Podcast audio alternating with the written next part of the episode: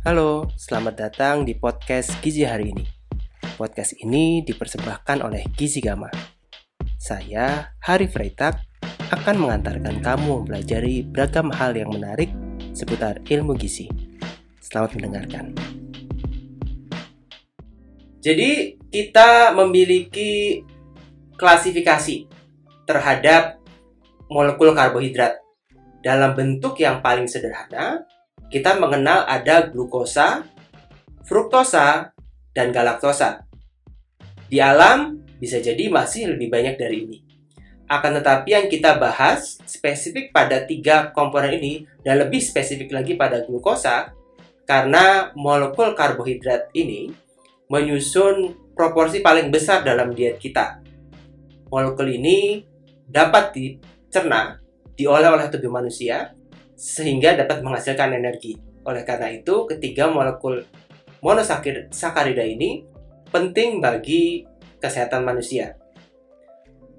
Juga perlu disadari bahwa ketiga molekul ini memiliki perbedaan. Ada glukosa yang memiliki 6, ini disebut sebagai hexamer ya. Ada fruktosa yang disebut sebagai pentamer karena dia memiliki 5 Se, uh, lima apa uh, bentuk seperti ini yang molekulnya dan galaktosa. Nah, glukosa ini uh, berbeda dengan fruktosa secara molekul dan hal ini juga berdampak pada perbedaan cara pengolahan.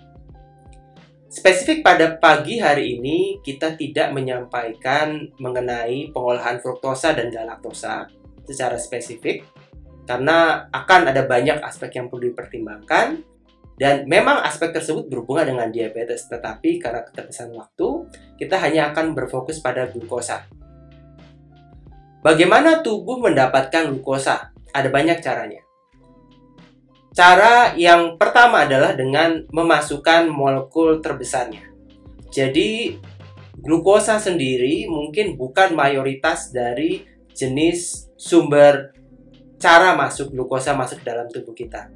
Glukosa masuk dalam molekul yang lebih besar, baik itu sukrosa, laktosa, maltosa, atau polimer yang lebih besar lagi, misalnya polisakarida dan oligosakarida. Contoh molekul yang memiliki dua jenis e, karbohidrat atau dua molekul karbohidrat seperti sukrosa, laktosa, maltosa ini juga membawa pros, apa membawa glukosa. Jadi glukosa yang terdapat dalam fruktosa ini berikatan dengan e, fruktosa ya sehingga menghasilkan sukrosa yang kemudian menjadi gula yang kita konsumsi setiap hari, gula pasir. Lalu kita juga mengenal ada laktosa di mana ini berkaitan dengan galaktosa yang ada dalam susu serta maltosa yaitu dua molekul glukosa yang berhubungan. Di sakarida ini ujung-ujungnya akan dipecah kemudian menghasilkan glukosa. Kita juga mengenal jenis glukosa lain yaitu glikogen yang merupakan urutan dari glukosa yang membentuk sebuah jaringan struktur bercabang yang ter, intinya terdapat glikogenin. Kita sebagai manusia menyimpan glukosa dalam bentuk glikogen di jaringan otot kita dan di jaringan hati kita. Meskipun simpanannya tidak banyak. Glikogen ini juga terdapat di dalam daging yang kita konsumsi dari hewani. Dan sama seperti manusia, jumlahnya tidak banyak. Jadi glikogen ini kadang-kadang kita konsumsi ketika kita berbarengan dengan mengkonsumsi makanan dari sumber hewani. Selanjutnya adalah amilosa. Berbeda dengan makanan yang berasal dari glukosa, uh, yang sorry yang berasal dari glikogen atau hewani. Amilosa ini terdiri dari rangkaian glukosa. Amilosa memiliki struktur yang lurus ya dan memiliki ikatan alfa 14 artinya urutan karbon 1 dan 4 di ikatan glikosidik ya di mana hal ini membuat bentuknya menjadi lurus Amilosa ini memiliki bentuk sekali lagi yang lebih lurus dan merupakan polisakarida atau gabungan dari apa glukosa yang membentuk kom beberapa komponen glukosa membuat sebuah molekul yang lebih besar.